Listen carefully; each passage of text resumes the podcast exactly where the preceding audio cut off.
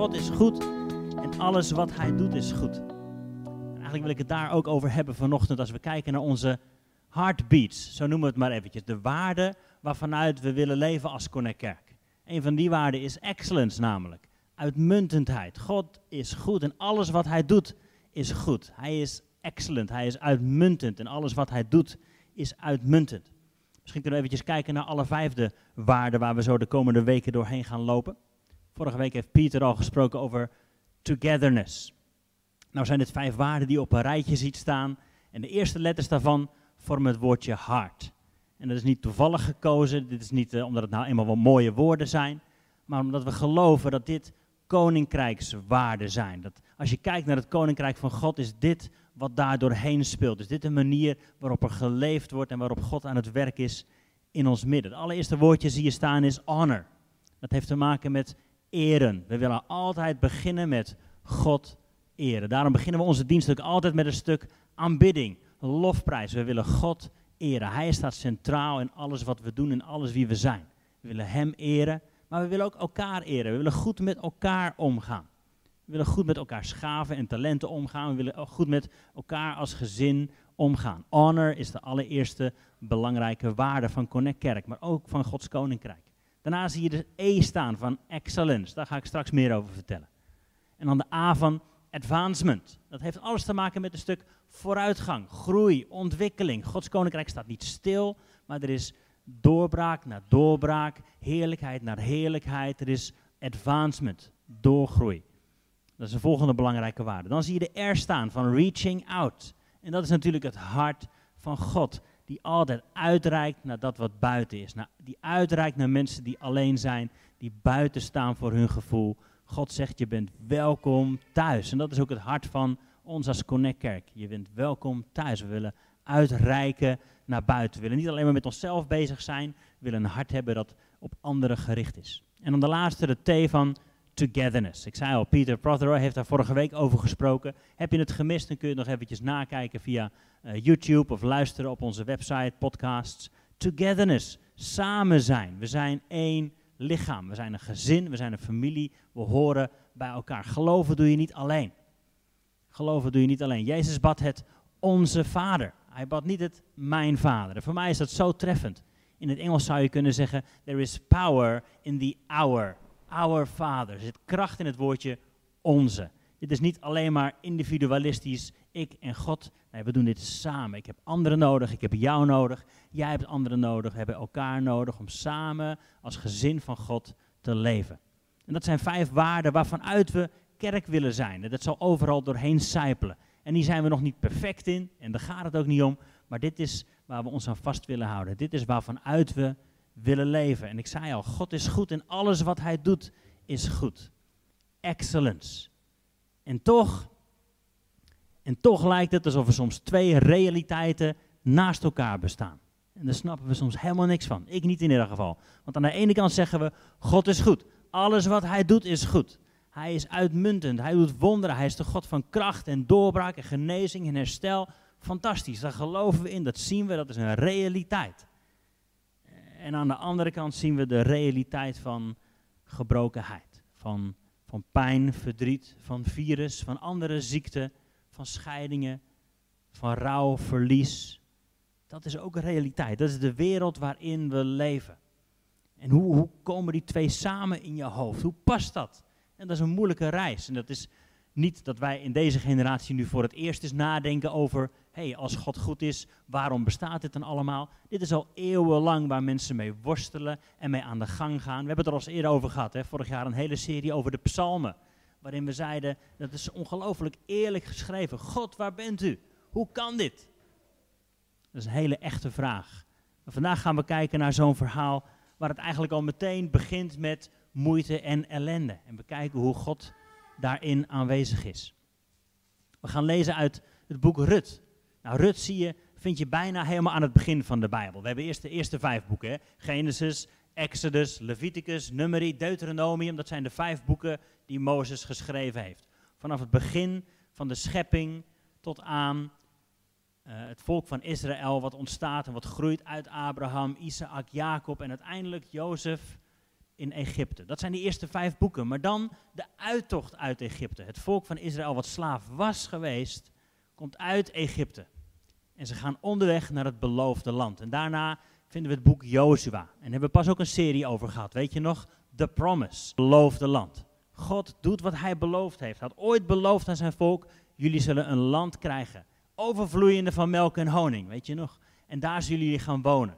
En het was een inname van het land. De promise, de belofte werd ingenomen. Onder leiding van Jozua kwamen ze het land in. En Jozua stierf. En daarna hebben we het boek Richteren of Rechters. Dat zijn mensen die leiding gaven aan het volk van Israël.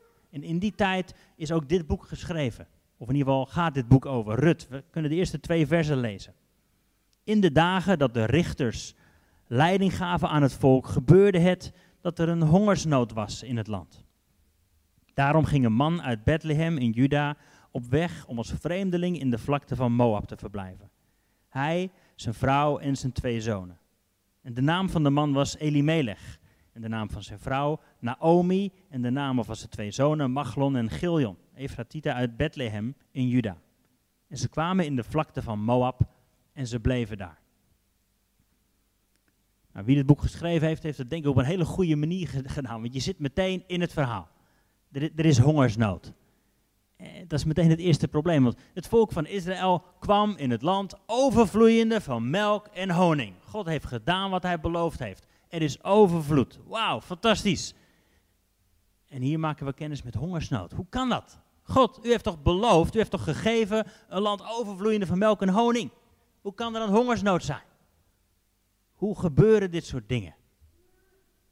Met, hier staat, het gaat over, over een man die uit Bethlehem trok. Bethlehem betekent nogal broodhuis. Bethlehem, huis van brood. En juist daar was hongersnood. En deze man vertrok naar Moab. Moab. Misschien doet die naam je een belletje rinkelen. Dat gaat terug naar Genesis 19.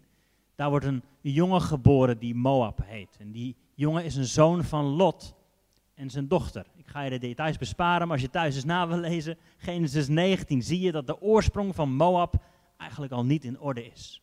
Dat begint met een probleem. En dat op krijgt een land aan de andere kant van de Dode Zee, waar nu ongeveer Jordanië is. En dat land is eigenlijk vanaf het begin af aan al in oorlog, zou je kunnen zeggen, met het volk van Israël. Als het volk door dat land heen wil trekken, hè, ze komen uit Egypte, ze willen het beloofde land innemen, dan zeggen de Moabieten, je mag niet door ons land heen. Ze zijn vijandig gezind. Ze sturen zelfs er iemand op af om het volk te vervloeken. Misschien ken je dat verhaal. Balaam. De Moabieten zijn geen vrienden met de Israëlieten. En juist naar dat volk trekt deze man.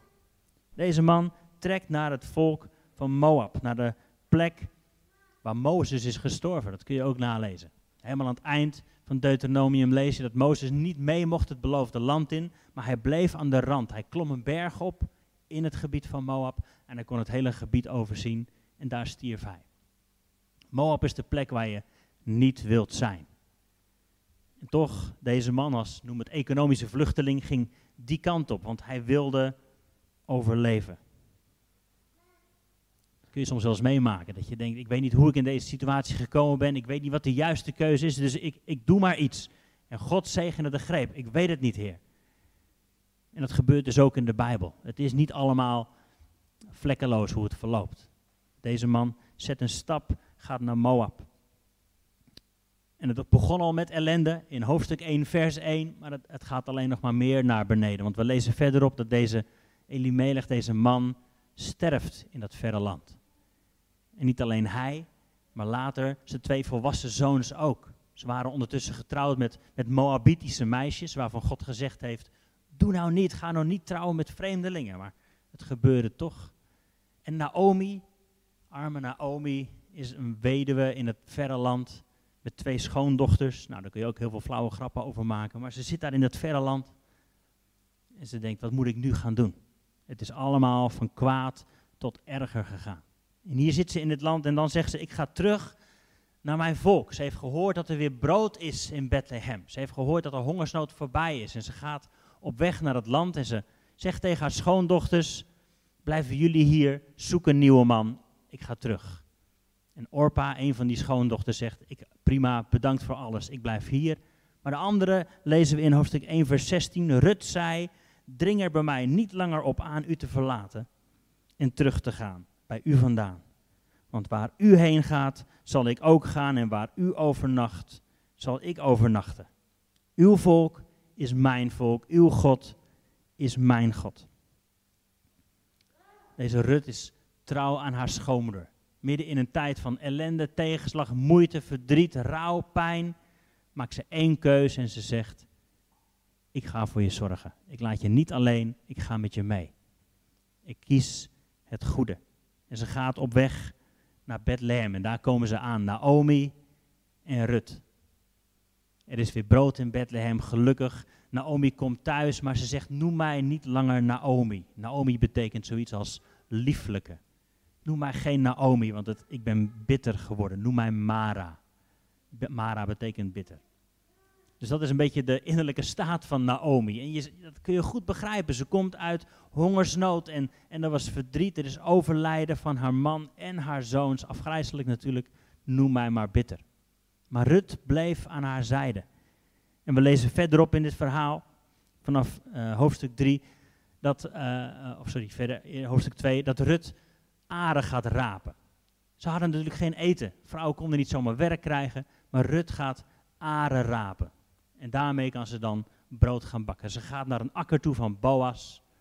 En het leest als een, een mooie roman dit. Hè? Je moet hem maar eens nalezen thuis. Ze gaat naar de akker van Boas, een rijke man die daar grond bezit. En ze mag daar wat overgebleven is gaan rapen. En daar kunnen ze brood van bakken. En midden in die tijd van moeite, ellende, zie je dan een klein beetje hoop doorbreken. Vanaf hoofdstuk 3 lezen we dit. Vers 1. Naomi, haar schoonmoeder, zei tegen Rut, mijn dochter, zou ik geen plaats van rust voor je zoeken waar het je goed zal gaan? Wel nu, is Boas, bij wiens meisjes je bent geweest, geen bloedverwant van ons. Zie, hij gaat vannacht op de dorsvloer gerst wannen. Was je dan, zalf je, doe je beste kleren aan en ga naar de dorsvloer, maar zorg ervoor dat je niet door de man wordt opgemerkt voordat hij klaar is met eten en drinken. Het is heel bijzonder huwelijksadvies dit. En het zal je gebeuren als hij gaat liggen. Zorg dan dat je de plaats weet waar hij ligt. Ga erheen, sla de deken aan zijn voeten eind op en ga liggen. Dan zal hij jezelf vertellen wat je moet doen. En Rut zei, alles wat u zegt, zal ik doen. Daarop ging ze naar de dorsvloer en ze deed alles wat haar schoonmoeder haar geboden had. En toen Boas gegeten en gedronken had en zijn hart vrolijk was, kwam hij, ging liggen aan de rand van de korenhoop. En daar kwam Rut stilletjes aan, sloeg de deken aan zijn voeten eind op en ging liggen.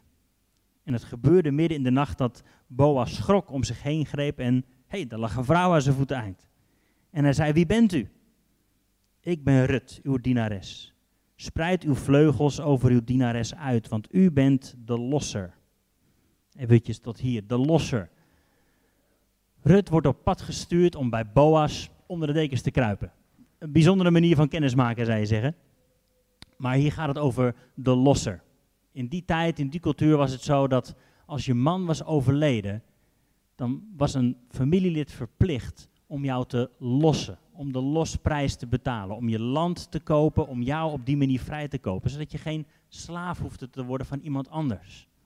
Dat wordt hier bedoeld met het woordje losser.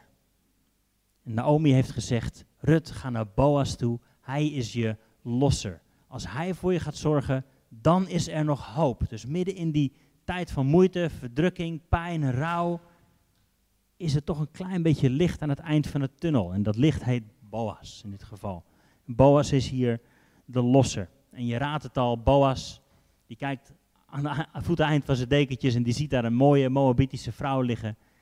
En hij kiest er inderdaad voor om haar te lossen, om de prijs te betalen, zodat hij met haar kan trouwen, haar land terug kan kopen en op die manier haar familienaam in stand kan houden. Bijzonder verhaal. Ze kiezen ervoor om te trouwen. Boas trouwt met Rut. In heel veel studies kun je dat teruglezen. Dat Boas hier als een type van Jezus wordt gezien. In het Oude Testament kun je een klein beetje zien. Dit is hoe Jezus voor ons kiest. Zoals Boas voor Rut heeft gekozen, zo heeft Jezus voor ons gekozen. Zoals Boas Rut heeft verlost, zo heeft Jezus ons en ons tot zijn vrouw genomen. Hij is onze losser. En dan gaan we door naar de laatste versen van dit boek. Want hier komen in een keer een heleboel dingen samen. In vers 18 zien we dit. Dit nu zijn de afstammelingen van Peres. Peres verwekte Hezron, Hezron Ram, Ram Aminadab, Aminadab Nahesson, Nahesson Salma, Salma Boas en Boas Obed. Obed verwekte Isaï en Isaï verwekte David. Obed is de naam van de zoon die Boas en Rut krijgen. Maar deze paar namen, ik weet niet of je nog inspiratie nodig hebt voor kindernamen. Hier staan een paar hele mooie namen tussen. We noemen hem Ram. Kan natuurlijk. Als je iets langere naam wilt. Je kunt zelf kiezen. Maar dit stukje staat bomvol met wonderen. Het begint al bij Peres. Peres was de zoon van Juda en Tamar. Afgrijzelijk, raar, stom verhaal waarvan je denkt, waarom staat het in hemelsnaam in de Bijbel? Het is geen reclame voor God. Maar het gebeurt wel. Uit een hele slechte relatie zou je kunnen zeggen, wordt Peres geboren. En zijn naam staat in deze lijst. En dan lezen we verder.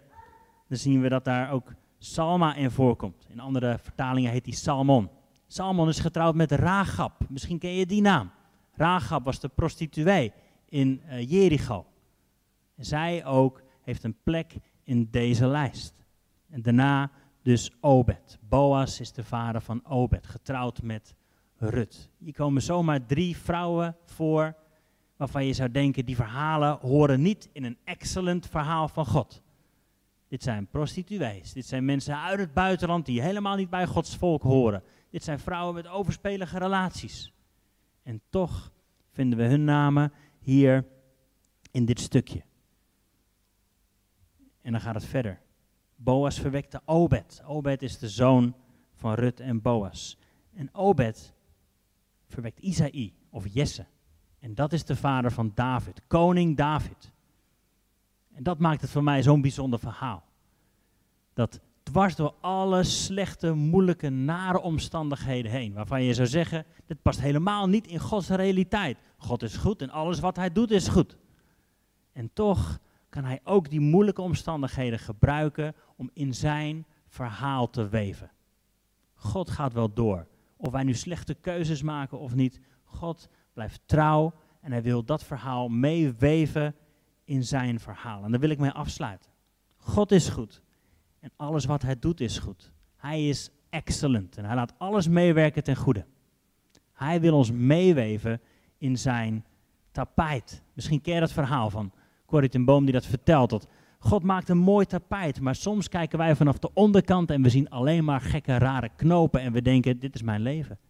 Mijn leven zit vol met rare beslissingen, stomme keuzes, dingen die me zijn aangedaan. Ik zie alleen maar knopen in dat tapijt. Maar als we van bovenaf zouden kijken, zien we dat God iets bijzonder moois aan het weven is. Want het houdt natuurlijk niet op bij David, deze lijst. David, ook weer zo'n verhaal met Bathseba, krijgt Salomo. En helemaal aan het eind van die lijn zie je dat Jezus geboren wordt. Allemaal moeilijke, rare omstandigheden die God meeweeft in zijn grotere, excellente verhaal. Het verhaal wat God aan het schrijven is, is uitmuntend. Ook al snappen we het niet, ook al denken we dit gaat helemaal mis, God gaat door. En dit is waar jij en ik in beeld komen, want als je opnieuw geboren bent, als je deel gaat uitmaken van Gods koninkrijk, ga je op God lijken. Ga je lijken op degene die van slechte dingen iets goeds weet te maken. En daar ben jij voor uitgenodigd. God is bezig om de wereld te redden. En als je ja zegt tegen Hem, maak je deel uit van zijn reddingsplan, van zijn reddingsoperatie in deze wereld. Word je erop uitgestuurd om net als God mensen welkom thuis te roepen. Met al hun achtergronden, met hun pijn, verdriet, moeite, rouw. Kan God het meeweven in zijn mooie, excellente verhaal. Misschien herken jij jezelf in het verhaal van de verloren zoon. het is een bijzonder mooi verhaal. We hebben pas een serie gehad over gelijkenissen. Bijzonder om te zien hoe God ons roept. En we zijn welkom thuis, welke keuze we ook gemaakt hebben. Maar ik vind deze insteek zo mooi. Henry Nouwer schrijft daarover. Natuurlijk zijn we welkom thuis. Natuurlijk mogen we zijn als die verloren zoon. Maar je bent geroepen om net als die vader te zijn. Net als de goede vader die zegt: Je bent welkom thuis. Tegen de mensen om je heen. in je familie, je vriendenkring. Je bent welkom thuis. Dat is Gods reddingoperatie. Op die manier mogen we bezig zijn met excellence. We kijken wat er voorhanden is en we maken daar iets moois van. We kijken naar de situaties en we zien het goud in situaties. We zien het goud in mensen en dat roepen we tevoorschijn. Dat is onze roeping als mensen van het excellente koninkrijk van God. God is bezig om de wereld te redden en jij bent uitgenodigd om mee te doen. En hier in Rut zien we dat het eigenlijk begint met telkens kleine keuzes. Rut die in haar land stond en had kunnen kiezen om gedag te zeggen tegen Naomi. Maar zij kiest ervoor om te zeggen, veel heb ik niet meer, maar dit heb ik wel. Ik blijf bij je. Misschien geldt het ook voor jou dat je kijkt naar alles wat je verloren hebt, dat je denkt, ja, wat blijft er nou nog over? Het is altijd een keuze om te kiezen voor het goede. Om te kiezen voor één stap in de juiste richting. Om te vertrouwen op Jezus. Om vergeving uit te spreken. Wat je omstandigheden ook zijn. Er is altijd één stap die je kunt zetten. Verder is er nog de oproep, natuurlijk in de Bijbel, om, om je talenten goed te gebruiken. Dat wat God je gegeven heeft. Daar op een goede manier mee om. Wees trouw in de kleine dingen. Het hoeft meteen allemaal niet zo heel groot te zijn. Als we denken aan excellence, misschien denken we aan hele bijzondere, fantastische dingen. Nee, het zit hem in de hele kleine dingen. En het is goed als het goed is. Ik weet nog dat Alfons hier ook een keertje over sprak. En hij gebruikte een van zijn schilderijen. En hij vertelde daarover ik moet stoppen als het goed is. Als ik iets perfect wil maken, dan verpest ik het. Maar als ik stop als het goed is, als het excellent is, dan is het bijzonder mooi. En we hoeven onszelf niet te overtreffen, we hoeven zelf niet alles perfect te doen, maar we mogen dat wat God ons gegeven heeft gebruiken op de beste manier mogelijk. Doe alles wat je doet als voor de Heer, staat er in Colossense 3. Dat is jouw en mijn roeping. Of we nou aan het werk zijn, hier achter aan de knoppen draaien, bezig zijn om alles in te regelen, koffie zetten, morgen weer naar je werk gaan of je studie. Doe alles wat je doet als voor de Heer. Dat is excellent. Dat is het koninkrijksdenken. Dat is de manier waarop in het leven wil staan. Alles wat je hebt, heb je gekregen en dat mag je teruggeven aan God. Moet hier wel eens aan denken. Jezus was natuurlijk geboren als in het, in het gezin van Jozef en Maria. En Jozef was timmerman. Ik kan me zo voorstellen dat Jezus gewoon mee moest doen. Ik kan me niet voorstellen dat Jezus later een krakkemikkige stoel ging bouwen. Alles wat je doet, dat doe je goed. Hetzelfde geldt voor Paulus, die was tentenmaker. Dat was de manier waarop hij rondreisde en zijn geld verdiende. Denk me niet dat hij slechte tenten ging maken of zich er makkelijk van afmaakte. We willen excellent omgaan met de dingen die we gegeven zijn. Als laatste dan. Ik geloof dat elk mens behoefte heeft aan, nou, twee, noem het twee basisbehoeften. Veiligheid en uitdaging. Veiligheid en uitdaging. In dit verhaal vinden we het allebei. Rut was welkom thuis in een nieuw volk, een nieuw land. Ze was welkom. Boas zorgde voor haar. Boas verloste haar op die manier. En jij en ik hebben ook behoefte aan die veiligheid. Weet dan dat Jezus die veiligheid is. Het zijn niet je omstandigheden. Het is niet je nieuwe baan. Het is niet je relatie die je wel of niet hebt. Het is niet dat wat buiten je ligt. Het is Jezus. Jezus is jouw veiligheid. Hij roept je welkom thuis. Hij wil je verlossen in welke situatie je ook zit. Je bent welkom thuis. Weet dat. En vanuit het veilige huis kunnen we ook aan die andere basisbehoeften mee aan de slag gaan. Dat is avontuur, dat is, dat is roeping, dat is uitdaging. Hebben we ook nodig. We willen woekeren met onze talenten, zoals het zo mooi in de Bijbel staat. We willen dat wat we hebben op een goede manier inzetten. En dat bid ik jou allebei toe. Dat je weet dat je welkom thuis bent, dat je veilig bent, maar ook dat je aan de slag mag gaan, net zoals God, op zijn manier. Dat je dwars door alles heen aan iets moois kunt bouwen. Dat je het goud in mensen naar voren ziet en roepen. En dat je daarmee aan de gang mag gaan. Ik ga voor ons bidden en dan gaan we zo een lied zingen. Heere God, dank u wel dat u doorgaat met wat u begonnen bent. U bent trouw in situaties waarvan we denken, dit kan helemaal niet. Zoveel pijn, moeite, verdriet. Waar is God nou? Ja, maar u gaat door. Dank u wel daarvoor dat het ook in ons leven zo is. Misschien zien we al generaties voor ons met pijn en verdriet en soms lijkt het wel op een generatievloek, maar u gaat door met wat u begonnen bent. Dank u wel daarvoor dat u ook in ons leven doorgaat en dat we ook op die manier uit mogen reiken naar anderen. Dat we op die manier ons leven mogen leiden en excellent in het leven mogen staan. Dat we lijken op u. We zijn gemaakt naar uw beeld. U bent goed. Alles wat u doet is goed. En zo zegenen we elkaar. Met veiligheid, vrijheid en verlossing. Maar ook met avontuur, uitdaging, roeping en nieuwe stappen. In Jezus' naam.